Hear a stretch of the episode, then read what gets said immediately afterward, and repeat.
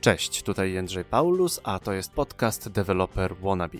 Mamy dziś odcinek o tym, co interesuje programistów, zarówno początkujących, jak i doświadczonych. Tematem jest edukacja w IT, to znaczy sposób uczenia i uczenia się. Ten temat wzbudza wiele emocji, wzbudza wiele komentarzy, nawet kontrowersji. Zwykle wannabe szuka sposobu na naukę, a deweloper obserwuje i komentuje. Łączy nas to, że widzimy, jak cyfrowe technologie przejmują kolejne sfery życia. Głównym tematem naszej rozmowy były zmiany na rynku pracy w obliczu digitalizacji wielu zawodów. Nie wróżyliśmy z fusów, zwracaliśmy uwagę na trendy w znikaniu różnych profesji. Posiłkowaliśmy się danymi, które pokazują, co będzie głównym nurtem w postępującej automatyzacji. Zadaliśmy sobie pytanie, jak się przygotować albo czego się uczyć, aby nie zostać w tyle czyli jakie kompetencje trzeba nabyć, aby w niedalekiej przyszłości zdobyć nowy zawód lub utrzymać, ewentualnie rozwinąć swoją profesję. Goście nie boją się trudnych pytań, zwłaszcza tych pojawiających się w kontekście szkół programowania. Nie omieszkałem zadać pytania o kilka tygodni nauki i tego, jak to się ma do nabywania umiejętności programistycznych. W rozmowie pojawił się też mocno humanistyczny temat prowadzenia biznesu związanego z nauką programowania. Mówiliśmy o wspieraniu osób wychodzących z domów dziecka. A teraz najciekawsze. W pewnym momencie, nieświadomie, udało mi się zadać pytanie, na które nie znał odpowiedzi szef największej szkoły programowania w Polsce. Dlatego zostańcie z nami do końca, bo dzięki temu pytaniu w ostatnich 15 minutach rozmowy udało mi się uhandlować dla Was zniżkę na kurs programowania oraz kurs testerski. Wystarczy odpowiednie hasło podczas zapisywania się na bootcamp. Zapraszam do wysłuchania rozmowy z Katarzyną Bartoszkiewicz i Marcinem Tchórzewskim z Coders Lab.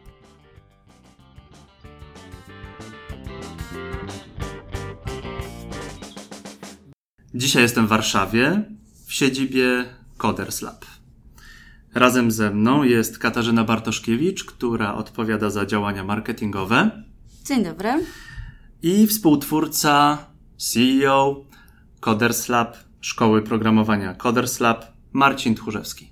Cześć. Bardzo Wam dziękuję, że znaleźliście czas. Bardzo mi miło przyjść tutaj. Sam jestem nauczycielem, a to będzie świetna rzecz, aby porównać nasze doświadczenia i porozmawiać o tym, co robi nam edukacja w IT, w jaki sposób mamy mieć edukację w IT, w jaki sposób się uczyć, jak się przygotować na to, co będzie. Marcin twierdzi, że języka programowania można nauczyć się zupełnie tak samo jak języka obcego. Jest to myśl bardzo mi bliska, bo sam przez lata byłem nauczycielem języków obcych. Miło Was widzieć. Nawzajem. Dziękuję, że znaleźliście czas. I dzięki, że do nas przyjechałeś. Mam nadzieję, że to będzie bardzo ciekawa rozmowa. Jedziemy z tematem, bo po prostu niesamowicie mnie interesuje Wasze zdanie. Będziemy rozmawiać o edukacji w IT. Będziemy rozmawiać o tym, co robić, aby nie wypaść z obiegu. Nie czy, a dlaczego mamy inwestować w ludzi, dlaczego należy inwestować w pracowników.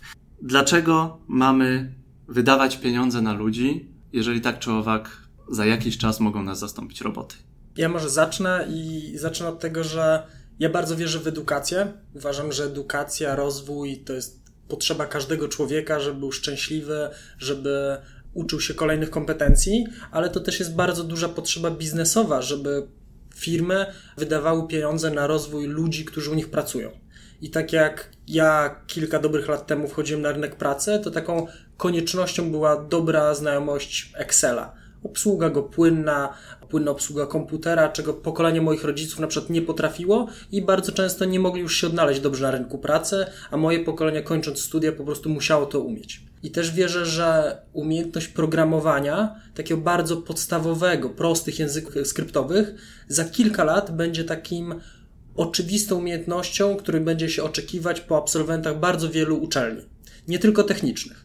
Ja tu jako przykład podam to kiedy robiłem doktorat na, na SGH, to mieliśmy kłopot z przeanalizowaniem bardzo dużej ilości danych, albo mieliśmy duże problemy z wyciągnięciem dużej ilości danych z różnych stron internetowych, rządowych, ministerstw. I tak naprawdę wtedy pomagał mi jeszcze przed założeniem Coders Lab, przed tym jak sam nauczyłem się programować, mój brat programista, który dla nas robił takie bardzo proste prace, a usprawniał analizowanie danych, usprawniał pozyskiwanie danych, w taki bardzo, bardzo mocny sposób. Potem od kolegów, którzy pracowali w konsultingu, w analityce, dowiedziałem się, że praktycznie w każdej firmie zaczęli zatrudniać przynajmniej jednego programistę lub absolwentów matematyki, którzy też znali podstawowe języki skryptowe, właśnie po to, żeby oni mogli lepiej pracować z danymi. Jeszcze nie nazywali się wtedy data scientist i to było dużo prostsze. Natomiast ja wierzę, że za te 10 lat każdy z nas będzie znał bardzo podstawowe, proste języki skryptowe, które będą pomagały mu wyciągnąć informacje z internetu, których po prostu będą dziesiątki. Tak samo jak teraz wszyscy używamy Excela. Ja widzę taką ogólnie tendencję do tego, żeby programowanie było coraz częściej w pakiecie. To jest dokładnie to, co mówisz. Umiejętność Excela czy angielski. Przeglądam czasami ogłoszenia ze Stanów Zjednoczonych, a wiemy, że stamtąd tak naprawdę idzie ta moda, czy idzie po prostu fala. Idą zmiany. I w tym momencie coraz częściej jest podstawowa znajomość, czy to JS-a, czy, czy Pythona. Ze Stanów idzie większość trendów mhm. i tak samo jak analitycy coraz częściej są oczekiwania, żeby znali Python, który pomaga właśnie przeanalizować duże zbiory danych albo scrollować, czyli wyciągnąć różne informacje z internetu. Od marketingowców w mniejszych agencjach często oczekuje się, żeby potrafili zakodować, właściwie wczepić jakąś wtyczkę WordPressową, guzik na stronie, poprawić jakąś prostą stronę project managerowie, żeby nie tylko potrafili porozumieć się z klientem i programistami, ale też samemu przeczytać kod, zobaczyć jak jest napisana strona, wycenić pewne funkcjonalności. Właściciele biznesów po prostu koniecznością jest, że potem muszą znać języki programowania i technologie na tyle, żeby umieć biernie przeczytać kod, porozmawiać z programistą, klientem. Tak naprawdę wierzę, że coraz więcej zawodów, nie tylko programistycznych, będzie potrzebowało tych części kompetencji programistycznych lub szerzej kompetencji IT, tak samo jak w marketingu coraz popularniejszy jest user experience albo Techmar na przykład. Ja tutaj dodam jeszcze, że jeżeli mówimy w ogóle o takim o inwestycji w technologiczne kompetencje pracowników, to warto spojrzeć na takie dwie perspektywy, ponieważ z jednej strony mamy pracodawców, którzy no, chcą rozwijać swój biznes, chcą dawać jakąś wartość e, dla klientów, e, chcą być postrzegani jako, jako, jako dobry pracodawca, a z drugiej strony mamy właśnie tą perspektywę pracownika, e, który coraz częściej oczekuje, że to właśnie pracodawca będzie pozwalał się więcej rzeczy nauczyć.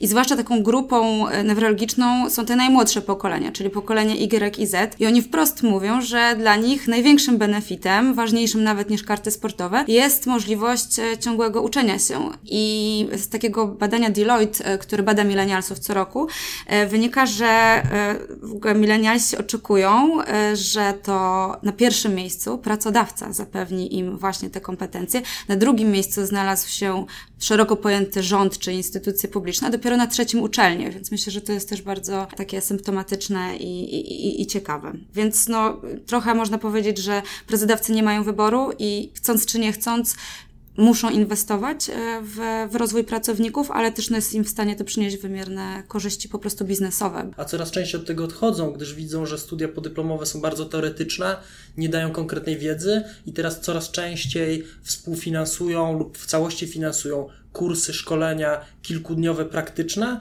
albo bootcampy, czyli znowu kilkunastodniową naukę, ale bardzo, bardzo praktyczną. Odchodzi się od tej nauki teoretycznej, którą dają studia podyplomowe. Mi się podoba bardzo tendencja dostępności nauki. Czy to dostępności nauki po prostu takiej, której możemy się nauczyć z YouTube'a. Wpisujesz cokolwiek i masz po prostu. Masz film, film, który jest na całkiem, całkiem fajnym poziomie. Jestem ogromnym fanem szkół, które również dzielą się swoją wiedzą. Jest to świetna tendencja, która polega na bezpłatnym tak naprawdę dzieleniu się. To jest rzecz świetna marketingowo. Z drugiej strony pokazujesz tak naprawdę, kim jesteś, co, co proponujesz. Marcinie, wspomniałeś o tym, że ta komputeryzacja następuje. Czy to komputeryzacja, czy robotyzacja, ogólnie digitalizacja. Jakie według Ciebie są jeszcze zawody, które nie są tak stricte skomputeryzowane? Gdzie tutaj są sfery, które nie były skomputeryzowane, a które najprawdopodobniej w najbliższym czasie zostaną. Pamiętam Twoją rozmowę z kolegami z Yes Was Podcast. Mówiłeś, że będziesz mniej więcej wiedział, co będzie w ciągu 10 lat. Potem tylko możesz wróżyć z fusów. W najbliższym czasie, gdzie wejdą komputery, gdzie wejdzie AI, gdzie wejdzie digitalizacja, gdzie jeszcze nie ma tej digitalizacji? Pierwszej kolejności robotyzacja, digitalizacja wejdzie do tych zawodów, w których już teraz postępuje czyli samojeżdżące samochody. No i tutaj o swoją pracę powinni bać się taksówkarze, kierowcy ciężarówek. Widzimy już po przykładzie Silicon Valley, że samojeżdżące Tesla są powszechne. W Warszawie jest ich kilka na krzyż. Natomiast w ciągu kilku następnych lat tak naprawdę wszystkie koncerny samochodowe, ale też firmy jak Google i Uber będą wdrażały swoje pojazdy autonomiczne. Widzę to też w mocnym przesunięciu. Firmy motoryzacyjne powoli przestawiają się ze sprzedaży nowych aut na wypożyczanie ich, to już robi e, Mercedes, który kupił MyTaxi, a więc jedną z większych w Europie korporacji taksówkarskich, wierząc, że kiedyś będą to samojeżdżące samochody należące do koncernu. To robią firmy, które produkują pojazdy, czy to kombajny na pola, czy po, pojazdy jakby przemysłowe, które również zastanawia się na to, że będą je wynajmować i to bez kierowców, tylko z modułami samojeżdżącymi. Kolejną grupą to są pracownicy fabryk, bo tutaj robotyzacja następuje już od wielu lat, no to jest z roku na rok, coraz większe moce produkcyjne, coraz szybsze linie produkcyjne wymagają pracy coraz mniejszej liczby osób. Jeszcze długo nie dojdziemy do, do momentu, w którym nie będzie w ogóle w fabryce ludzi na taśmie produkcyjnej czy w magazynach, natomiast ta liczba osób potrzebnych będzie się bardzo mocno zmniejszała, no i to widzimy na tych wszystkich ciekawych filmach na YouTubie, gdzie widzimy olbrzymi magazyn, po którym podłodze jeżdżą tylko roboty i przesuwają same paczki. To, to, to, to, to, to chińskie przedsiębiorstwo, tak? Które, tak, ale takie. Gdzie kupujemy wszystko. Tak, e, ale tak samo pojawiają się takie w Europie i to jest jakby to są dwa trendy, które będą się zmieniać. Oczywiście jakby robotyzacja, digitalizacja będzie wchodziła też w zawody bardziej wymagające analitycznego myślenia dla takich, może powiedzieć, białych kołnierzyków. W medycynie roboty zaczynają szybciej analizować dane z rentgena niż mogą to zrobić ludzie. I jak o lekarzy się nie boję, to roboty będą bardzo mocno, właściwie programy komputerowe ich wspomagać. Ja tutaj może jeszcze dodam taką ciekawą grupę, jaką są prawnicy. Akurat prywatnie większość moich znajomych to prawnicy, często z nimi rozmawiam na temat tego, co w ich pracy zmienią technologie i tu oczywiście zdania są podzielone. Niektórzy uważają, że nic, niektórzy już się przygotowują na to. I w tym momencie można się rozwieść całkowicie z wykorzystaniem technologii. Tak samo mm, jeżeli chodzi o, nie wiem, analizę akt, czy na przykład już tak? Był taki eksperyment robiony, gdzie wyszło, że sztuczna inteligencja była w stanie lepiej wydać wyrok, czy, czy, czy przygotować lepsze postępowanie sądowe, więc to pokazuje, jak mogłoby się wydawać kompetencje, które jakby są ciężko zastępowalne, jednak no, gdzieś tam nawet w tego typu rzeczach. Jak według Was będzie wyglądał handel za niedługo?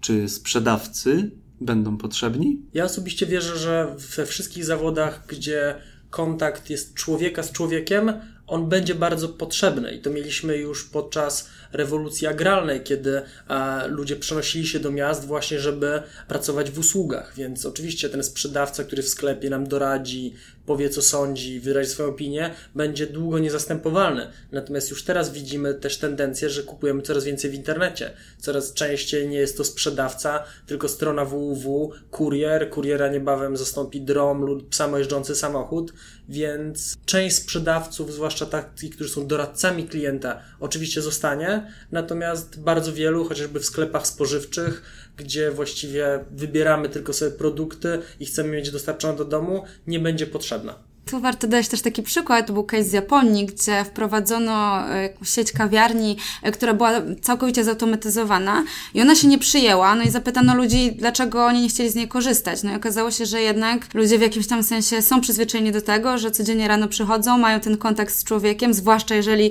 bardzo wiele różnych innych obszarów jest już jakby e, zdigitalizowana i nie mają tego kontaktu człowiek-człowiek, więc myślę, że nadal w pewnym obszarze, tak jak mówił Marcin, no jednak gdzieś te, te kontakty kontakty międzyludzkie będą ważne i one całkowicie e, z usług e, nie, nie znikną. Ja ze swojej strony dziękuję Władimirowi Aleksiejczenko, Biznes Myśli podcast. Bardzo Ci dziękuję. Całkiem niedawno opublikował podcast, w którym e, pokazuje, jak mocno wchodzi w bankowość AI samo AI. Osoby, kilka, kilka znanych, e, znanych mi osób, e, które są bankierami, były bankierami na nieco wyższym szczeblu, uświadomiły mi całkiem niedawno, że to już wcale nie od roku, dwóch, ale od naprawdę kilkunastu lat algorytmy grają na giełdzie, że my, biedni ciułacze, to jest jedna rzecz, ale duże firmy tak naprawdę grają algorytmami i na tym, na tym się zarabia. Trochę mnie to przeraża tak naprawdę, ponieważ jestem człowiekiem, który ma background yy, nauczycielski. Przez bardzo długi czas byłem człowiekiem, który ma umiejętności miękkie. Umiem mówić, umiem ładnie pisać, umiem się wysłowić, umiem się dogadać. Problemem było to, żeby mieć te, te umiejętności twarde. I ta digitalizacja postępuje. Wydaje się, że ta digitalizacja również wzbudza taki trochę nawet, można powiedzieć, atawistyczny lęk przed zastąpieniem nas, przed tym, że będziemy niepotrzebni. I tutaj mogę tylko przytoczyć Stephena Hawkinga, który jeszcze kilka lat temu wieszczył, że AI to już nas zastąpi za chwilę i że to tak naprawdę to komputery nas będą, nas będą jakoś, jakoś sterować. Z drugiej strony Martin Ford, e, Rise of the Robots, świetna książka, wieszczy, opowiada o tym, że postępująca robotyzacja, zastępowanie ludzi będzie powodowało, jeśli rządy nie wezmą się do pracy, a nie mam przeświadczenia, że, że te rządy będą tak szybko reagowały. Martin Ford mówi o tym, że postępująca robotyzacja spowoduje masowe bezrobocie i e, spowoduje również to, że będą tarcia, niepokoje, jednocześnie te, te, te nierówności będą się jeszcze bardziej powiększać, nierówności świata. Co robić? Jak nie wypaść z obiegu? Po pierwsze, rewolucja, o której mówisz, jest nieunikniona. Ja... Nie, nie, będziemy się spierać w ogóle tutaj. Nie da rady. Nie da rady, natomiast ja wierzę, że ona nastąpi później niż wiele osób zakłada. Ale to czas pokaże. Najważniejsze jest, że jak w każdej rewolucji, czy to przemysłowej, czy agralnej, stracą ci do niej nieprzystosowani, natomiast cała rzesza ludzi zyska. I chodzi o to, żebyśmy my jako jednostka byli po tej dobrej, zyskującej stronie. Więc przede wszystkim uczyć się kompetencji przyszłości. Tutaj ja wymieniam wszystkie kompetencje cyfrowe, IT, ale również umiejętności miękkie, pracy z ludźmi. I dla mnie bardzo ważne jest to, by umieć się uczyć nowych rzeczy, umieć zapominać stare nawyki.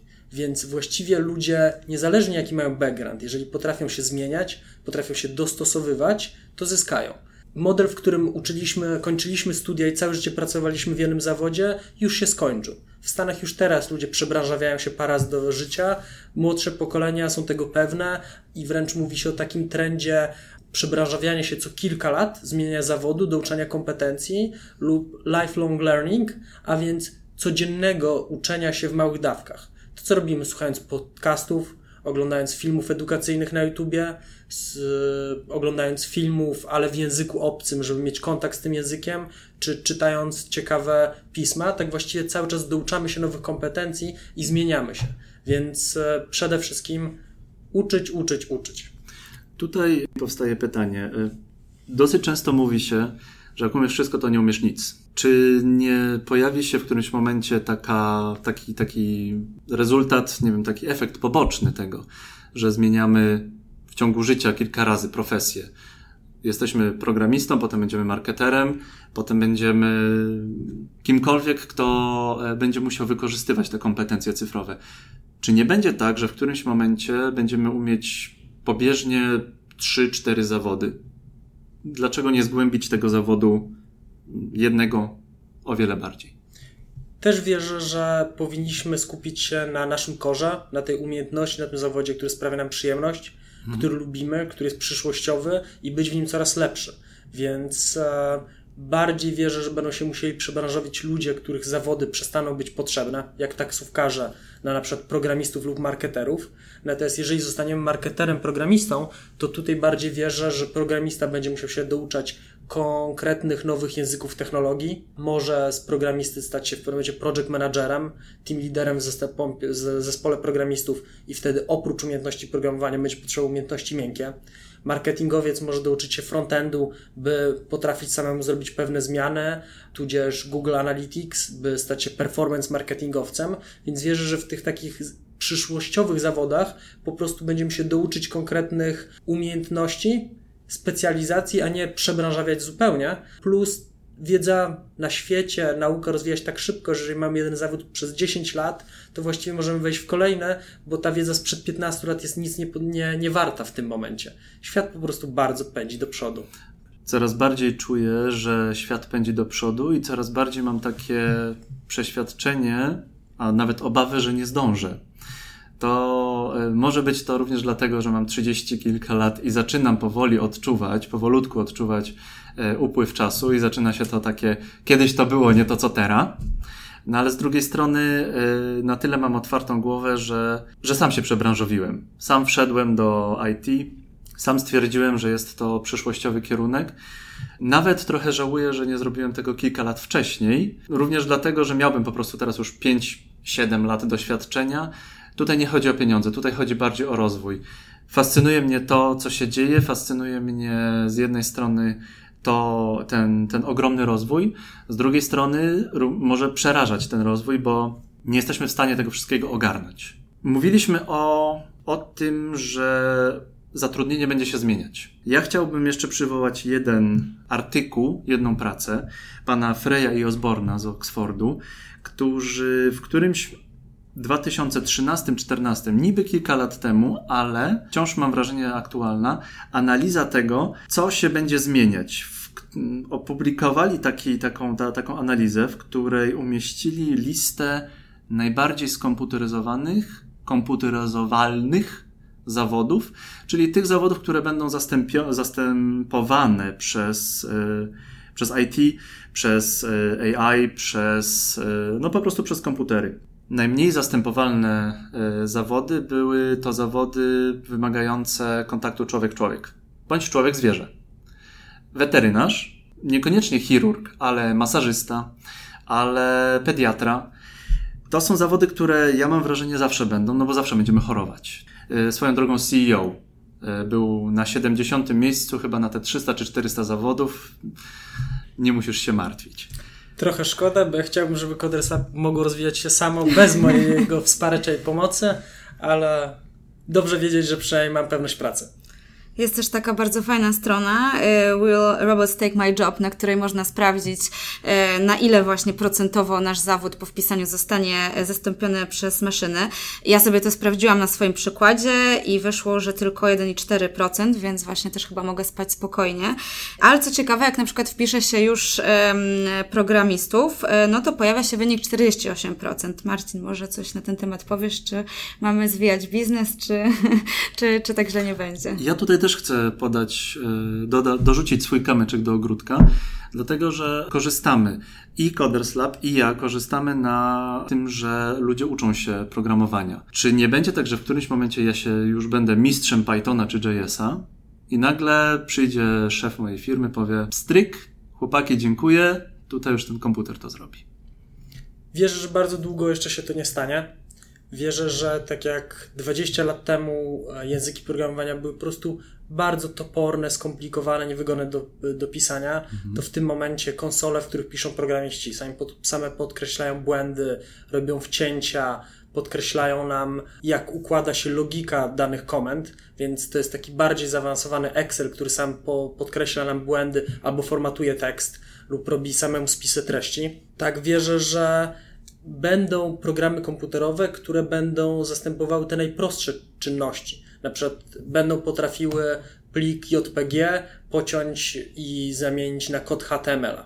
Natomiast wierzę, że bardzo dużo czasu zajmie stworzenie programów, które będą mogły zająć pracę programistów, i w międzyczasie tych programistów będzie potrzeba jeszcze bardzo, bardzo, bardzo wielu, gdyż każdy biznes w tym momencie potrzebuje strony www.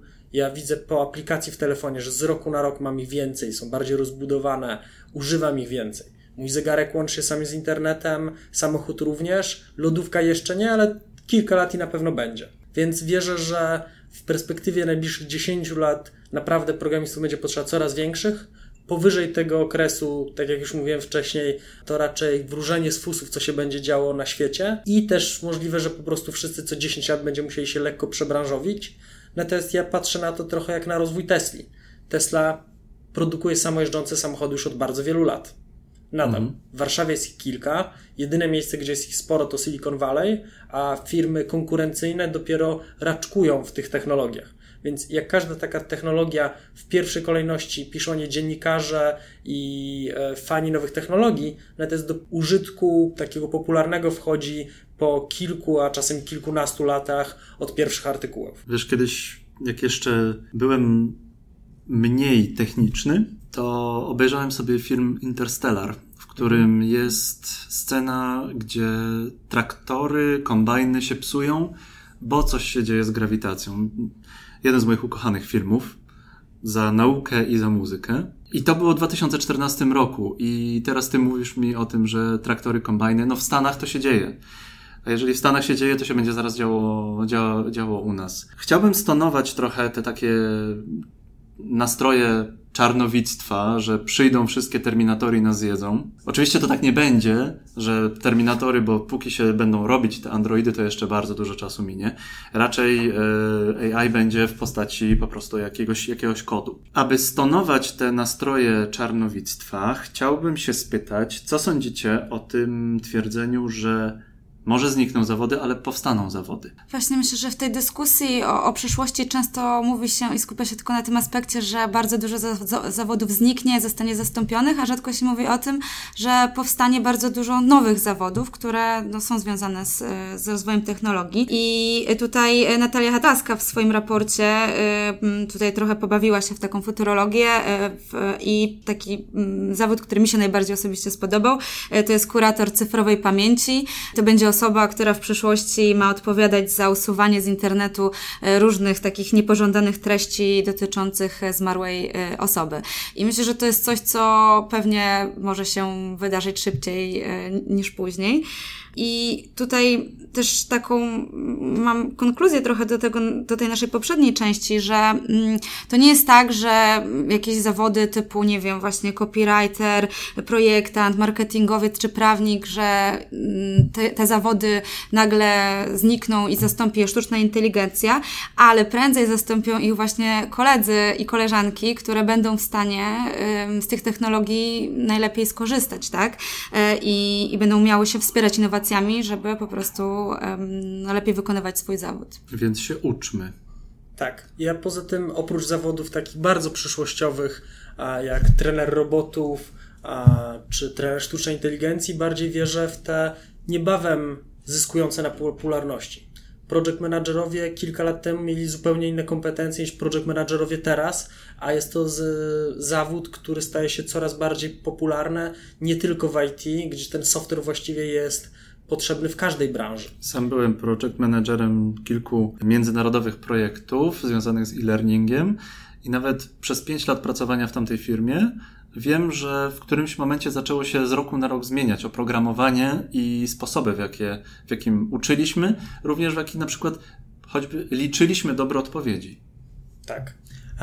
Bardzo dużo osób mówi o sztucznej inteligencji, AI, natomiast ja bardziej wierzę w data science, ponieważ firm, które będą rozwijały taką prawdziwą sztuczną inteligencję, będzie kilka na świecie i właściwie swoje centra rozwojowe będą miały prawie na pewno w Stanach albo w Chinach. Natomiast data scientist, a więc e, pracę analityczną na bardzo dużych zbiorach danych, na podstawie których możemy wyciągać indywidualne rekomendacje dla każdego użytkownika naszej usługi, naszego programu, będzie posiadał każdy biznes. I właściwie wierzę, że taki data scientist może być oczywiście matematykiem bardzo wysokiego poziomu, ale duża część z nich to będą po prostu analitycy na sterydach, a tymi sterydami będzie umiejętność kodowania prostych językach skryptowych, które pozwalają im zakodować pewne funkcjonalności lub pracować na olbrzymich zbiorach danych, których nie da się obrobić w Excelu.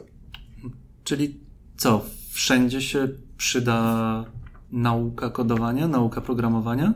Na pewno nie wszędzie zawodowo, natomiast warto ją znać, warto rozumieć, jak myślą komputery, jak działają, tak samo jak warto było się uczyć języków obcych bardzo mocno i nadal jestem zdania, że trzeba jakiś język obcy znać. Natomiast patrząc na to, jak coraz lepiej sobie radzi Google Translate, to widzę, że będziemy mieć tutaj coraz większą pomoc ze strony komputerów.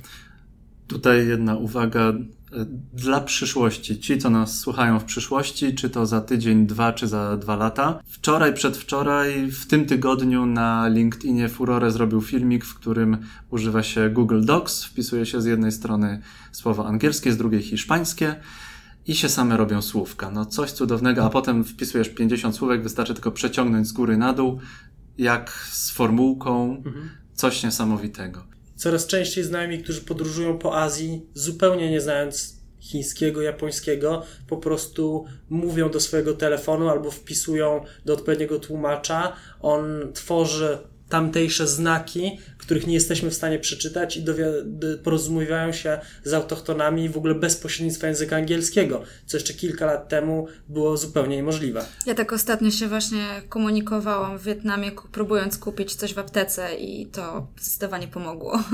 Ja z kolei mam bardzo podobne przeżycie z wakacji w Hiszpanii, której wynająłem po prostu pokój. Obok mieszkali Argentyńczycy. Argentyńczycy niestety nie mówili po angielsku, ale w żadnym innym języku, więc e, aby podstawowe rzeczy uzgodnić, używaliśmy telefonu i Google Translate. Najbardziej spieraliśmy się o to, czy ma być ciepło, czy zimno, bo mi było za gorąco, a im było za zimno. I tutaj pokażę jako ciekawostkę, że na kursy Coders Lab, oprócz takiej głównej grupy osób, które się po prostu przebranżawiają, tudzież tych, którzy przychodzą do nas jak na studia podyplomowe, żeby zdobyć konkretne umiejętności, które mają im pomóc w ich pracy, zauważyłem taki trend, że coraz częściej przychodzą ludzie po 50, którzy będąc na wczesnej emeryturze lub chcąc się czegoś nowego na, nauczyć, mówią: Myślałem o języku chińskim, ale język programowania jest ciekawszy, zrozumiem coś zupełnie innego, poszerzę swoje horyzonty nauczę się czegoś, zobaczę. Więc e, to też jest taki język obcy i czasem ludzie uczą się języków programowania właśnie, żeby mózg utrzymać w jakiejś takiej dobrym funkcjonowaniu, żeby poszerzyć horyzonty, zrozumieć coś zupełnie innego. No jedna z takich recept na długowieczność to jest również używanie mózgu cały czas tak? No, moja prababcia jeszcze lubiła łyżkę rumu do herbaty wieczorem, no ale to jest zupełnie Można oba połączyć. Można oba połączyć. E, jednocześnie śpiewała piosenki po niemiecku, jednocześnie e, czytała książki, a potem jeszcze mi opowiadała, bo ja byłem akurat mały i wtedy ona również ćwiczyła pamięć. Po kilku większych łyżkach rumu jestem pewien, że śpiewanie włącza się samo. E, zarówno moje, jak i moje prababci. Jeszcze jeden zawód, który mi przyszedł do głowy, to zupełnie coś, czego bym nie połączył wcześniej, to jest filozof AI filozof AI, gdzieś kiedyś studiowałeś filozofię, no, no po co studiowałeś tę filozofię tak naprawdę? No to wspaniale, wiesz, to Sokrates. Umiesz genialnie określić, gdzie Kant, co myślał Kant, ale to było sztuka dla sztuki, przeze mnie postrzegane. W którymś momencie, kiedy ktoś na wykładzie opowiedział o filozofii AI, o filozofię AI, który ma rozstrzygać spory moralne, związane z autami. Brzmiało to w ogóle jak jakiś dowcip, ale kiedy pokazał, że sytuacja, w której jedzie auto i jednocześnie wyskakują na drogę dwie osoby, jednocześnie trzeba, to auto musi zrobić jakiś zwrot, to w tym momencie filozof AI musi wejść i powiedzieć tej filozofii, tej, tej, tej AI, w którą stronę ma jechać. Czasami okazuje się, to są jakieś wybory bardzo głębokie moralne, moralne, bo w tym momencie chodziło w kogo wjechać, żeby, żeby najnormalniej w świecie no, kogoś ocalić, a kogoś poświęcić. Coś dziwnego i niespo, niespodziewanie ta filozofia pojawiła się w AI. Ja osobiście, jeżeli chodzi o studia wyższe, uważam, że jest bardzo wiele kierunków, które może nie daje się łatwo zastosować w pracy, ale są na tyle ciekawe i rozwijające, że warto je studiować. Ja osobiście jestem przeciwnikiem wiedzy, którą ludzie zdobywają przez 5 lat, a później nigdy nie wykorzystują w zawodzie, ani tak naprawdę ich bardzo nie rozwinęła. Jest bardzo wielu politologów, którzy właściwie nigdy nie pracują w swoim zawodzie, a przepisy unijne, których się uczyli tak wiele lat, zmieniają się po kilku latach i już tego nie potrzebują. Ja jestem politologiem akurat. Z wykształcenia, ale czasami wykorzystuję. Znam jednego politologa, który mówi, że dzień zaczyna od kawy, a potem włącza europejskie strony i patrzy, co się zmieniło. I jeżeli pracuje w zawodzie, to jeszcze wszystko dobrze, gorzej jak pracuje w czymś innym i ta jego wiedza tylko patrzy, jak się e, bezpowrotnie frytki, dezaktualizuje. Frytki do tego, tak? Znam ludzi, którzy studiowali geografię, natomiast przebranżowili się od razu po studiach, poszli w marketing i mówią, że bardzo dużą część wiedzy, którą się nauczyli, jest im nigdy nie wykorzystywana i właściwie jej zapomnieli. Więc ja też e, widzę jako taki fajny trend, że coraz częściej ludzie którzy wybrali, no mając te 18 lat i mniejszą świadomość tego, co im się przyda w życiu, co jest potrzebne na rynku pracy, kończą studia licencjackie, jeszcze raz zastanawiają się nad sobą i albo wybierają dużo świadom, bardziej świadomie studia magisterskie lub zaczynają pracować w zawodzie i dopiero po paru latach wracają na magisterkę, żeby ona była tak już dobrze wybrana i mogła wzbogacić ich wiedzę praktyczną, albo też po samym licencjacie przychodzą do nas, bo mówią, wystarczy tej nauki teoretycznej, chcę się nauczyć czegoś praktycznego, konkretnego i mieć jakiś fach w ręku, więc taki powrót do edukacji zawodowej, ale po prostu bardzo potrzebnej, tak jak ludzie szli do szkół języków obcych, bo wiedzieli, że nauka języka angielskiego jest po prostu koniecznością, niezależnie od tego, jakie studia skończyli. I teraz pytanie ode mnie, jako nauczyciela. Przez lata uczyłem języków obcych, miałem epizod na uniwersytecie. Ty, Marcinie, twierdzisz, że języka programowania można nauczyć się jak języka obcego. Tak. Ja nieco chciałbym się z tym nie zgodzić, ale najpierw powiedz dlaczego. Dlaczego języka programowania możemy się nauczyć jak języka obcego? Ponieważ uczenie się języka programowania to nowe słówka. Tak, mhm. w języku angielskim, niemieckim, hiszpańskim uczymy się nieznanych nam wcześniej, tak uczymy się komend, które często są pochodne do języka angielskiego, natomiast musimy się ich nauczyć znaczenia jak innych rzeczowników w języku obcych. Musimy się nauczyć pewnej semantyki, sposobu układania, składni danego języka programowania, które między sobą są często podobne, ale znowu bardzo różnią się między językami programowania. I na koniec, tak samo jak w języku obcym, te nowe funkcje, zdania, komendy, których się uczymy, trzeba po prostu powtórzyć bardzo wiele razy, że zapadły nam w pamięć i w pierwszej kolejności rozumiemy je, więc uczymy się czytać, tak jak język angielski, taka bierna znajomość, potrafimy czytać, zrozumieć kogoś, kto do nas mówi. W drugiej kolejności płynnie piszemy w danym języku programowania, a jeszcze w trzeciej potrafimy to zrobić tak finezyjnie, skrótowo i, i bez błędów. No, chciałem, żebyś mnie przekonał. Użyłeś argumentów ciekawych. Bardzo mi się to podoba, co bardzo ciekawych argumentów użyłeś i bardzo bliska mi jest ta paralela. Dla mnie problemem było w uczeniu się była blokada polegająca na tym, że ja nie umiałem sobie wytłumaczyć, co ja robię. W jaki sposób tłumaczy się to w Coders Lab? W jaki sposób wy robicie naukę? Chciałbym się spytać, jaką rolę w krzewieniu tej znajomości, umiejętności IT odgrywają studia podyplomowe, odgrywają nano degree, odgrywa bootcamp. Ja jeszcze odniosę się do tego porównania z językami obcymi.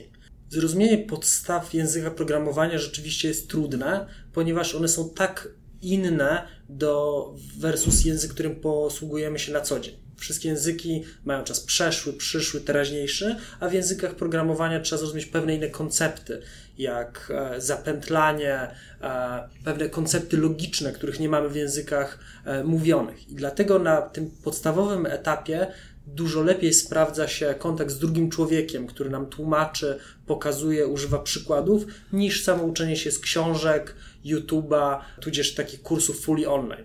I dlatego to, co robimy w Coders Lab na początkowym etapie bardzo mocno się przydaje. Z drugiej strony ja bym porównywał uczenie się programowania do takiego zupełnie obcego nam języka obcego, nie kolejnego języka łacińskiego, tylko języka japońskiego, chińskiego, gdzie musimy zrozumieć zupełnie inny sposób tworzenia znaków, układania zdań, kładzenia akcentów. Więc jest to rzeczywiście przeskoczenie do zupełnie innej kultury, świata, sposobu wymowy i trochę tak jest z językami programowania. Odpowiadając na Twoje drugie pytanie i, i nawiązując do tego, co mówiłeś wcześniej, żyjemy w czasach, w których jest bardzo dużo wiedzy w internecie, bardzo dużo wiedzy dostępnej na wyciągnięcie ręki. Mamy książki o nauce programowania, mamy e, filmiki na YouTubie, mamy kursy fully online.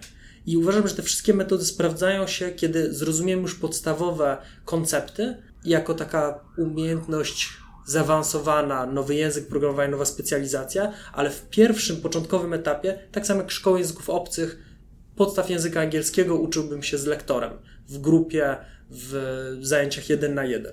I jak tutaj odnajdują się wszystkie formy nauki na rynku, uczelnie wyższe powinny uczyć dokładnie tego samego co my, natomiast niestety mają przestarzałe programy. Bardzo często profesorowie, którzy tam wykładają, znają stare, klasyczne języki programowania, nie pracują w branży i dlatego studenci po prostu douczają się tych aktualnie potrzebnych języków programowania samemu, między sobą, po zajęciach popołudniami. U nas wykładają tylko praktycy, którzy w tym momencie skupiają się w dużej części na pracy zawodowej i w części ucząc u nas, więc wiedzą, co jest potrzebne na rynku pracy. A odnosząc się do godzin, o których mówiłaś i, i znowu porównanie do języka angielskiego, ja bardzo porównuję tą naukę do nas, do wyjechania na kurs języka angielskiego do Wielkiej Brytanii, gdzie uczymy się przez 8 godzin dziennie, 5 dni w tygodniu i przez 2 miesiące swojego życia skupiamy tylko na zdobyciu nowej umiejętności, co pozwala nam tak naprawdę szybko przyswoić inną zupełnie branżę, sposób myślenia. Myślę, że z tego samego e, powodu też coraz więcej pracodawców właśnie wybiera taką formułę, która jest jednak bardziej efektywna niż wysłanie e, pracownika na studia podyplomowe, dlatego że mm, pracodawca może już po kilku tak naprawdę tygodniach e, widzieć korzyść z tego, że jego pracownik nabył konkretne umiejętności, które może od razu wdrożyć i które dają dodatkową wartość dla, dla, dla klientów po prostu. I taki przykład tej ciekawy, który ostatnio realizowaliśmy, to dla firmy Havas. E, to jest jeden z największych e, domów mediowych na świecie. Tutaj polski oddział zdecydował się na to, żeby przeszkolić grupę około 40 pracowników i to nie tylko tych takich stricte technicznych czy, czy osób pracujących w digitalu, ale też pracowników z obsługi klienta, z marketingu, właśnie z umiejętności technologicznych i z podstaw programowania. Czy tacy uczestnicy bootcampu, który proponujecie, oni są w tym momencie zanurzeni w tym całym środowisku, czy to jest, no powiedzmy, 8 godzin dziennie i dziękuję? Jak to się dzieje po godzinach nauki? Bardzo wierzymy, że to przebranżowienie, które właściwie jest to kilka tygodni kursu u nas, z przygotowaniem się, pracą po kursie, to właściwie są dwa, czasem dwa i pół miesiąca pracy. To musi być moment, w którym skupiamy się na tej jednej umiejętności mamy taki bardzo duży fokus i my namawiamy naszych uczestników kursów stacjonarnych, czyli tych, które dzieją, zaczynają się w poniedziałek, kończą w piątek, by wtedy nie pracowali, nie studiowali, właściwie uczyli się te 8 godzin u nas, potem szli na jakiś sport, rozładowali stres, napięcie, oczyścili głowę, wieczorem wrócili, powtórzyli to, co się działo na zajęciach zrezygnowali na te kilka tygodni z większych imprez i w weekend również trochę się skupili na nauce, bo to daje po prostu świetne rezultaty. Ja uważam, że połączenie takiego fokusu na jednym temacie edukacji, myślenie o nim praktycznie cały czas, wychodzenie ze swoją grupą na piwo, rozmawianie na przerwach z wykładowcą, plus oczywiście sport, który jest potrzebny dla zdrowia, daje super rezultaty. Wspomniałeś tutaj kilka tygodni nauki. Pytanie, które muszę zadać, muszę zadać szefowi największego bootcampu, najwyższej, największej szkoły programowania w Polsce. Brzmi tak. Gdy rozmawiam z programistami, z osobami doświadczonymi, również z developer wannabe, to mocno przeżywają oni hasło zostań programistą w 6 czy 8 tygodni. Niemal każdy z nich podkreśla, że po pierwsze nie wierzy, a po drugie ci doświadczeni programiści mówią, że trzeba lat do władania danym językiem. Proszę o Twój komentarz. Na pewno potrzeba wielu lat, żeby powiedzieć, jestem samodzielnym programistą, mogę pracować zdalnie i, e, i dokładnie wiem, co robię, potrafię projekt jednoosobowo pociągnąć. Natomiast do, od momentu, w którym jestem fanem IT i wiem, że chciałbym stać się programistą, do momentu umiem tyle, że jestem w stanie znaleźć pierwszą pracę w zawodzie, a to jest właściwie taka obietnica i umiejętność, którą my sprzedajemy, znalezienie pierwszej pracy w zawodzie programisty, testera, specjalista od user experience, wystarczy nam te kilka tygodni. Oczywiście sam kurs trwa 6 tygodni, natomiast przed kursem trzeba przerobić pre-work, który znowu zajmuje nam około dwóch tygodni.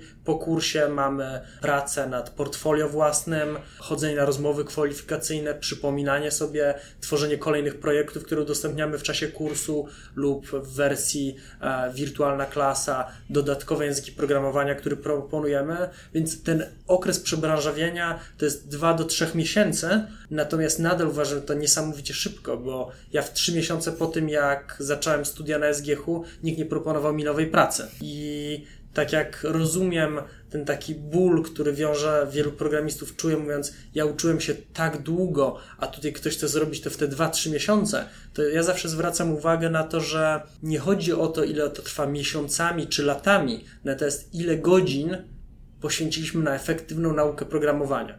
Ponieważ ja uczyłem się często języków obcych dwa razy w tygodniu po półtorej godziny na zajęciach. I właściwie podczas czas całego roku miałem 3 godziny zajęć w tygodniu, 50 tygodni, 150 godzin nauki. Natomiast gdybym na ten sam język angielski poświęcił 8-10 godzin dziennie, to właściwie te 150, 150 godzin robię w ciągu 15 dni, to są dwa tygodnie. Mhm. Może trzy, jeżeli rzeczywiście nie uczę się w weekendy. Więc e, różnica polega na liczbie poświęconych godzin, nie na tygodniach czy miesiącach. Widzę, że produkt, który proponujesz, jest produktem przemyślanym. E, mnie przerażałoby zakuwanie 8 godzin dziennie, ale jednocześnie, kiedy ja byłem nauczycielem, to ja swoim studentom mówiłem: uczcie się dzieci, uczcie się, szanowni studenci, zasuwać, zanurzajcie się w to środowisko. E, znowu wrócę do paraleli z językiem obcym. E, moi koledzy, którzy uczyli się rosyjskiego, nie nauczyli się rosyjskiego mm, tak dobrze na kursie językowym dwa razy w tygodniu, Nauczyli się tak naprawdę rosyjskiego wtedy, kiedy pojechali czy to do Archangielska, czy pojechali do Moskwy i zanurzyli się w tym środowisku. Było to, była to prawie, że nauka 24 godziny na dobę, okraszona pewnie kilkoma butelczynami różnymi, no ale również się w ten sposób uczysz, zanurzając się to, w to środowisko. Podoba mi się, że nie ma tak odtąd dotąd w tym, w tym produkcie, który, który e, pro, proponuje Coders Lab. Nie, nie ucina się, dziękujemy, do widzenia i tyle. To chyba też w którymś momencie potrafi odpowiedzieć na zapotrzebowanie rynku. Mówi się również, obecnie już nie zostaje się programistą za piękny uśmiech, tak? Tak, zdecydowanie. Znaczy, mieliśmy gigantyczny, nadal mamy gigantyczny boom i potrzeba wielu programistów i wszelkich innych zawodów IT, natomiast e, wzrast z wzrostem popularności języków programowania, liczbą bootcampów, liczbą osób, które same się uczą, rosną też wymagania pracodawców. Więc oczywiście, jak rozumiem Twoje podejście, że w tym momencie nie chciałbyś przez trzy miesiące skupiać się tylko na nauce programowania, natomiast dlatego też pokazujemy, że mamy kursy stacjonarne dla ludzi, którzy chcą przestać, zrzucić swoją pracę i przebranżowić się szybko. Mamy kursy weekendowe dla ludzi, którzy chcą w to przebranżowienie iść 8, 9, 10 miesięcy, ale poświęcając na to dwa weekendy w miesiącu i trochę godzin popołudniami. Mamy kursy Wirtualna Klasa, które pozwalają nie przychodzić do nas do siedziby stacjonarnie, tylko łączyć się przez nasz komunikator i naszą platformę z klasą i wykładowcą popołudniami, więc mieszkając w tych przysłowiowych Bieszczadach na drugim końcu świata, e, a z drugiej strony korzystając z dobrodziejstw i technologii, i kontaktu z drugim człowiekiem. E, I uważam, że każdy po prostu musi znaleźć formę adekwatną do tego, co w danym momencie on potrzebuje. To jest nieco ala blended learning, to o czym wspomniałeś. Niektóre szkoły prywatne proponują blended learning. Zjazdy są trzy razy w roku, a tak naprawdę ludzie muszą zakuwać to, co e, im się wyśle na maila, tak naprawdę.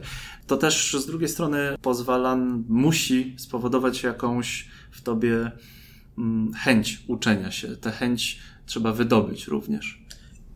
Nasz kurs Wirtualna Klasa to zdecydowanie blended learning. Połowę materiału przyswaja każdy kursant samemu w domu, no to jest już na szczęście nie przez maila, tylko mamy platformę, na której mamy współdzielone ze wszystkimi materiały, zawsze w najnowszej wersji. Mamy komunikator, gdzie można porozmawiać z grupą, z, z, wykładowcą, z mentorem.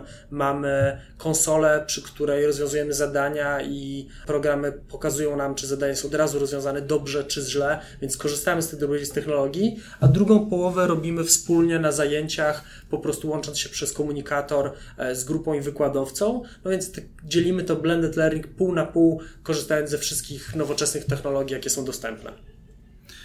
Jednym z najczęstszych pytań, które zadaję, zadaję gościom e, mojego podcastu, jest proszę o radę dla developer wannabe, czy dla wannabe developer. Obecnie mamy sytuację, w której wydaje się, że mamy nadpodaż juniorów. Szukamy e, w ogłoszeniach szukamy człowieka z 3-5-letnim doświadczeniem. Juniorzy mówi się, że bardziej przeszkadzają w firmie na samym początku niż wnoszą coś do firmy. Jaką można dać radę takiemu człowiekowi, który wychodzi z Coders Lab e, i który chce iść do pracy? Ja bym podał w pierwszej kolejności poradę ludziom, którzy zastanawiają się nad kursami programowania. Po pierwsze, największą nadpodaż juniorów w tym momencie mamy e, w językach programowania frontendowych, JavaScript i frameworki pochodne. Dlatego ja wszystkich namawiam, żeby zastanowili się mocno nad PHP, który wprawdzie ma kiepską opinię w necie, natomiast jego najnowsza wersja jest bardzo naprawdę już przyjazna, dobrze dopracowana. Jest to język, w którym napisanych jest masa stron www w Polsce, aplikacji i jest bardzo dużo łatwość znalezienia pracy. Językiem, który bardzo mocno się broni jest Java, .NET, to języki bardziej korporacyjne. Tu trzeba się zastanowić, w jakim typie firmy chcemy pracować, natomiast to są takie, które ja bym osobiście polecał. W drugiej kolejności zastanówmy się też nad dobrym wyborem szkoły, bo jest różna konkurencja i wiele firm. Ja znam firmy, które rzeczywiście są tańsze albo dają możliwość nauki cał, prawie całkowicie zdalnie, ale kontakt z wykładowcą, mentorem jest tylko przez godzinę w tygodniu i to powoduje, że po tych miesiącach nauki mamy dużo mniej przyswojonego materiału niż podczas tych bardzo intensywnych kursów Coders Lab. Mm, a na koniec po prostu znajdźmy tą niszę, specjalizację, w której chcemy pracować, potrafimy się odróżnić od czy, czymś od innych juniorów na rynku pracy, chodźmy na meetupy, rozwijajmy się, dopracowujmy swoje portfolio. Pracodawcy na pewno zauważą to, że człowiek nie tylko skończył kurs lub przeczytał jakąś książkę, zrobił tutorial online, ale dalej się uczy, rozwija, pracuje nad tym i wtedy znalezienie pracy to kwestia czasu i to czasu bardzo niedługiego. Też tutaj na rynku mamy do czynienia z trochę takim paradoksem, no bo z jednej strony mamy cały czas duży niedobór e, specjalistów IT, a z drugiej strony ogłoszeń dla juniorów jest stosunkowo mało. E, I teraz e, tutaj też jest kwestia mocnej gdzieś edukacji i też zachęcania pracodawców do tego, żeby jednak dawali szansę e, osobom, które są początkujące, żeby też dzielili się wiedzą. I coraz więcej firm u siebie dosyć mocno stawia też na taki wewnętrzny mentoring, na rozwój i chętnie biorą osoby, które oczywiście mają dosyć dużą perspektywę, zrobiły właśnie, tak jak Marcin powiedział, że nie skończyły tylko i wyłącznie kursu, tylko widać, że po kursie e, inwestowały też e, w rozwój swoich kompetencji, chodziły na meetupy, robiły dodatkowe projekty dość mocno gdzieś rozmawiamy z pracodawcami, staramy się zobaczyć, jakie oni mają oczekiwania, kogo oni właściwie potrzebują, e, co jest dla nich najważniejsze. I też staramy się pomagać naszym kursantom w takich obszarze, takim powiedzmy bardziej miękkim, tego w jaki sposób mogą się zaprezentować najlepiej na rozmowie kwalifikacyjnej, tak żeby jak najłatwiej, jakby najlepiej ułatwić im poszukiwanie tej pierwszej pracy. Ja jeszcze zwrócę uwagę, że jest takim trochę mitem to, że skoro mamy niewiele ogłoszeń dla juniorów, to znaczy, że tej pracy nie ma. Często firmy widzą, że jest wielu juniorów na rynku, jest dość łatwo ich zrekrutować, więc nie płacą za ogłoszenia. Chociażby najprostszym sposobem jest wejście na stronę Coders Lab na LinkedInie. W zakładce naszej firmy mamy część alumni, gdzie wszyscy alumni Coders Labu określają, że właśnie skończyli kurs u nas taka osoba z HR może przefiltrować po danym miesiącu, po danym mieście i właściwie ma bazę juniorów, do których może napisać, wysłać im ogłoszenia bez płacenia e, za ogłoszenia. E, tak, no na pewno też e, dużo firm rekrutuje mm, juniorów czy, czy osoby na staż prosto ze studiów, tak, na, na różnych spotkaniach, meetupach, więc oczywiście te wyniki i te statystyki są na pewno trochę zaniżone, e, co nie zmienia faktu, że no też są firmy, które, które no z różnych przyczyn w ogóle nie chcą zatrudniać, tak, osób początkujących i bazują tylko na midach i seniorach, natomiast no jest to pewnym sposób takie podejście, można powiedzieć, no krótkowzroczne, no bo jeżeli w tym momencie nie damy tak szansy e, osobom początkującym, no to nie będziemy mieli za chwilę tej bazy, żeby no, tak stworzyć tych midów. To jest rzecz, która mi przyszła do głowy, kiedy jechałem do Was. Przeczytałem artykuł, w którym e, mówi się o nadpodaży juniorów. Czy przypadkiem za kilka lat z powodu niezatrudniania juniorów nie powiększy się ta luka w ilości osób, które mają odpowiednie kompetencje programowania? Ja, ja, w pierwszej kolejności bym się chciał odciąć od artykułu, który w ostatnich tygodniach pojawił się na jednym z portali, a później został przepisany w różnej formie na kilka kolejnych, gdyż no niestety pokazuje małe zrozumienie tematu przez autora. Rzeczywiście dwa lata temu każdy junior znajdował pracę od razu.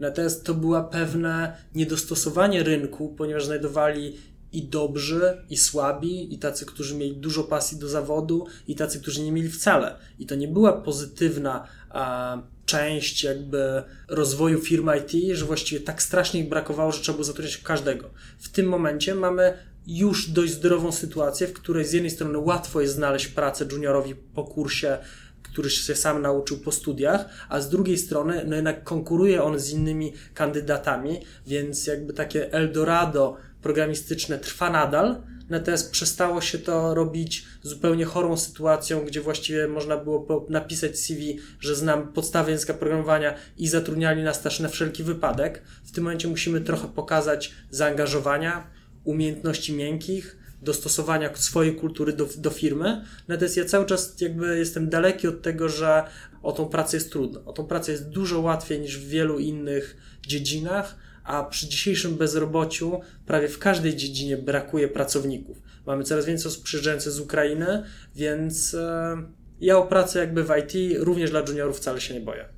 To jest też kwestia pewnych oczekiwań, bo są osoby, które mm, po, na samym początku swojej kariery zawodowej no, mają też trochę nierealne oczekiwania, jeżeli chodzi o płacę w pierwszej, w pierwszej pracy. I my też staramy się prost mówić, tak? Jak, jaki, jakiego rzędu pieniędzy mogą oczekiwać osoby, które rozpoczynają karierę, jak to wygląda, e, jak szybko mogą się rozwijać i wejść na kolejne stanowiska.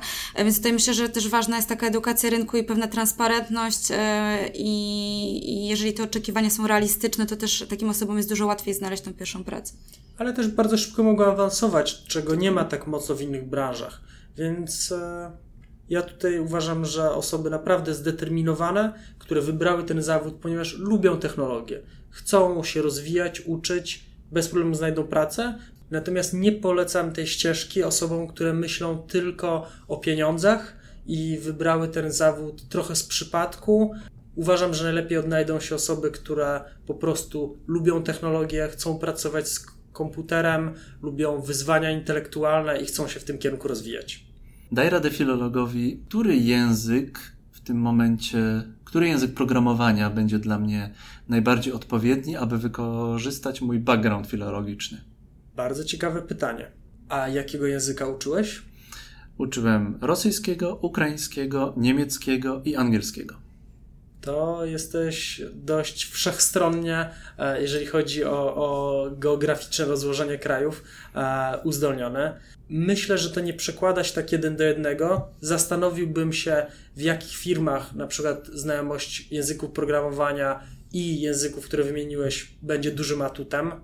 Czasem osoby, które znają bardzo dobrze fizykę, chemię, medycynę, biologię, mówimy, żeby się stanowili nad firmami, które tworzą właśnie software w tych obszarach. E, no niestety nie znam zbyt wiele software'u, który jest tworzony w, odnośnie języków obcych, oprócz wspomnianego już Google Translate, więc zastanowię się i postaram się za jakąś chwilę dać jakąś dobrą radę. W takim razie przejdźmy jeszcze do pytania o edukację nieformalną. Wspominałeś już kilka, kilkanaście minut temu, ale chciałbym nieco zgłębić. Jak wypracować dobre podejście do edukacji nieformalnej. Co to jest edukacja nieformalna według Ciebie i jak, jak to zastosować dla zwykłego zjadacza chleba? Odniosę się do takiego sformułowania jak lifelong learning, czyli zdobywanie wiedzy, uczenie się przez całe życie, ale zdobywanie jej na bieżąco w małych dawkach. Ja osobiście uważam, że najważniejsze w pozyskiwaniu każdej wiedzy jest uczenie się tego, co lubimy, zainteresowanie się tematem. Ja wiem z własnego doświadczenia, że były języki obce, które, których nauczyłem się dość szybko, i były języki obce, w których nie lubiłem nauczycieli, uważałem, że uczę się ich za karę, i właściwie ta wiedza mi w ogóle nie wchodziła do głowy. Uważam, że wybierając specjalizację swoją, trzeba ją lubić, interesować się nią, nie tylko uczyć od strony takiej bardzo technicznej, tak uczyć się języka obcego, ale uczyć się też kultury danego kraju, uczyć się kultury branży, w której pracujemy, firmy, w której jesteśmy. Jeżeli będziemy podchodzić do wszystkich tematów holistycznie, z dużym zainteresowaniem i uśmiechem na ustach, to po prostu będzie to nasze hobby, a nie godzina pracy codziennie.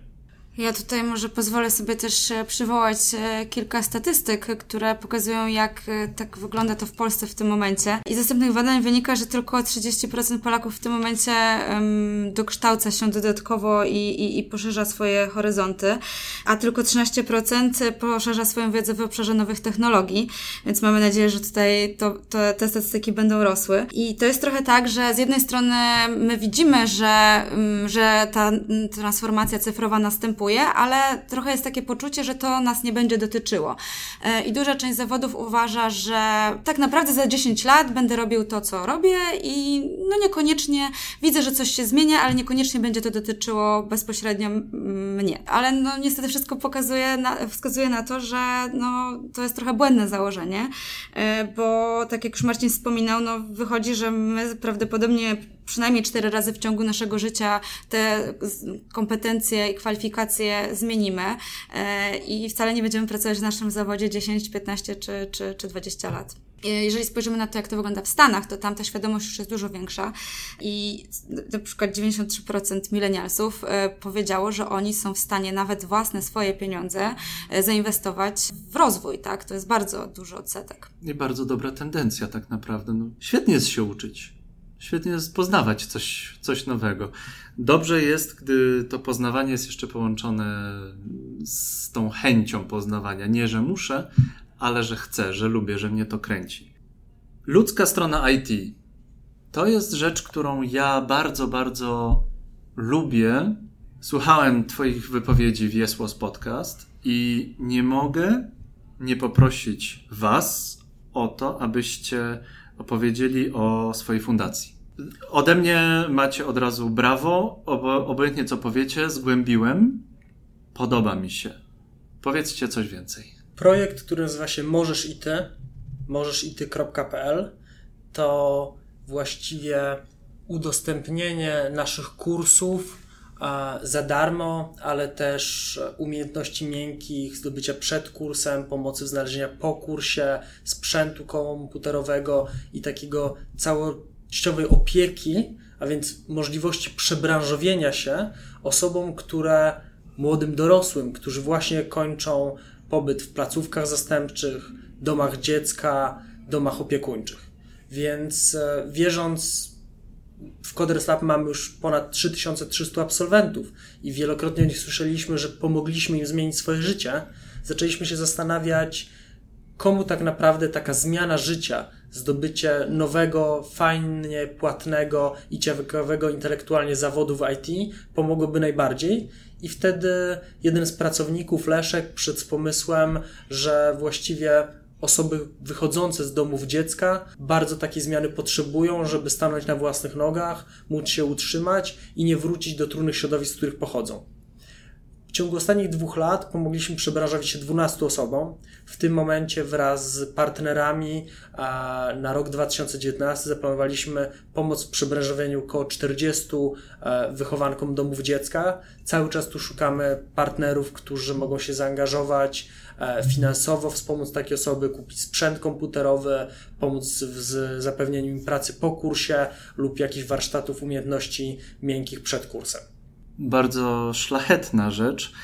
Wywodzę się z rodziny pedagogów. Rzeczywiście, wyjście z domu dziecka i wrzucenie się na głęboką wodę nie zawsze się udaje. Czasami się niestety wraca do, do tego złego miejsca, którego się, z którego się wyszło. To ode mnie wielka prośba, proszę przekaz informacje o tym projekcie, bo my czekamy właśnie na to, żeby to oddolnie e, wychowankowie takich domów zgłaszali się z pomocą opiekunów, którzy ich zachęcą, dodadzą im siły i energii, wysłali swoje zgłoszenia, bo wierzymy, że to jest projekt, w którym człowiek musi bardzo chcieć tego przebranżowienia, wierzyć, że to jest ścieżka dla niego, ponieważ oprócz naszego i partnerów wsparcia, e, tak naprawdę potrzebne jest dużo determinacji, ciężkiej pracy. Bardzo jest to ciekawa myśl o pomocy osobom z domów dziecka. Możemy uniknąć powrotu, możemy pomóc uniknąć powrotu do, do nieciekawego środowiska, jednocześnie zdobyć pracę, która jest pożądana. Ode mnie czapki z głów za, za, za ten humanistyczny aspekt. Znowu, jako były nauczyciel, bardzo polecam, bardzo chwalę. Również e, możecie mnie, we, we, mnie mieć e, swego rodzaju ambasadora tej, e, tej e, akcji, tej inicjatywy. Bardzo chętnie pomogę, je, jeśli tylko mogę to bardzo dziękujemy. Każdy ambasador i każda a, takie rozszerzanie idei się przyda. E, możemy w takim razie, jak już tegoroczna edycja się zakończy, e, przyjść do Ciebie z osobami z tegorocznej edycji, którzy mogą powiedzieć swoją historię, jak do nas trafili, czemu się zgłosili, e, jak wyglądało ich przebranżowienie na kursie, e, stawianie pierwszych kroków w IT i, i może to też będzie ciekawa historia. Zapraszam zawsze chętnie. Drodzy słuchacze, udało mi się uhandlować coś. Kasiu? Tak, przygotowaliśmy e, specjalny kod rabatowy e, na nasze kursy. E, to jest to 1000 zł na kursy programistyczne i minus 500 na kursy testerskie.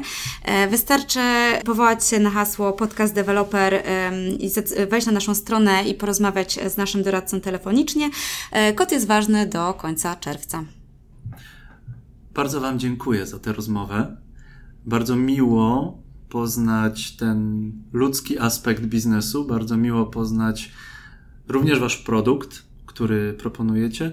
Fajnie, że pomagacie ludziom, którzy gdzieś tam de profundis wyszli do tej fajnej strony mocy, do tego IT. Ja to jeszcze odbieram po prostu bardzo osobiście z jednej strony czapki z głów za waszą inicjatywę możesz i ty, z drugiej strony za to, że mimo tego, że jest to aspekt finansowy i pewne jakieś nakłady finansowe, to pomagacie ludziom zdobyć fajną pracę. Bardzo wam dziękuję. Dziękujemy mi bardzo. Niezwykle miło z Wami pogadać. Moimi gośćmi była Katarzyna Bartoszkiewicz oraz Marcin Tchórzewski, ludzie z Coders Lab. Dziękuję, do usłyszenia. Dzięki wielkie, Dziękujemy. miłego dnia wszystkim życzymy.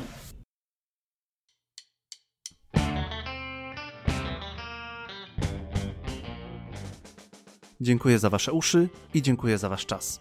Jeśli chcielibyście pomóc w promocji tego podcastu i w dotarciu do nowych deweloper wannabe, można to zrobić minimum na trzy łatwe sposoby. Na przykład poprzez napisanie kilku słów i pięć gwiazdek na iTunes, podzielenie się linkiem do tego podcastu z innymi deweloper wannabe i subskrypcję w waszym telefonie w aplikacji podcastowej. Dajcie też znać, co sądzicie o naszej rozmowie. Możecie to zrobić na Facebooku, na fanpage'u, pisząc do mnie prywatną wiadomość, pisząc do mnie na maila codeboy.codeboy.pl, ewentualnie na LinkedInie, gdzie też jestem aktywny. Jeszcze raz dziękuję za Wasz czas, dziękuję za Wasze oceny. Do usłyszenia.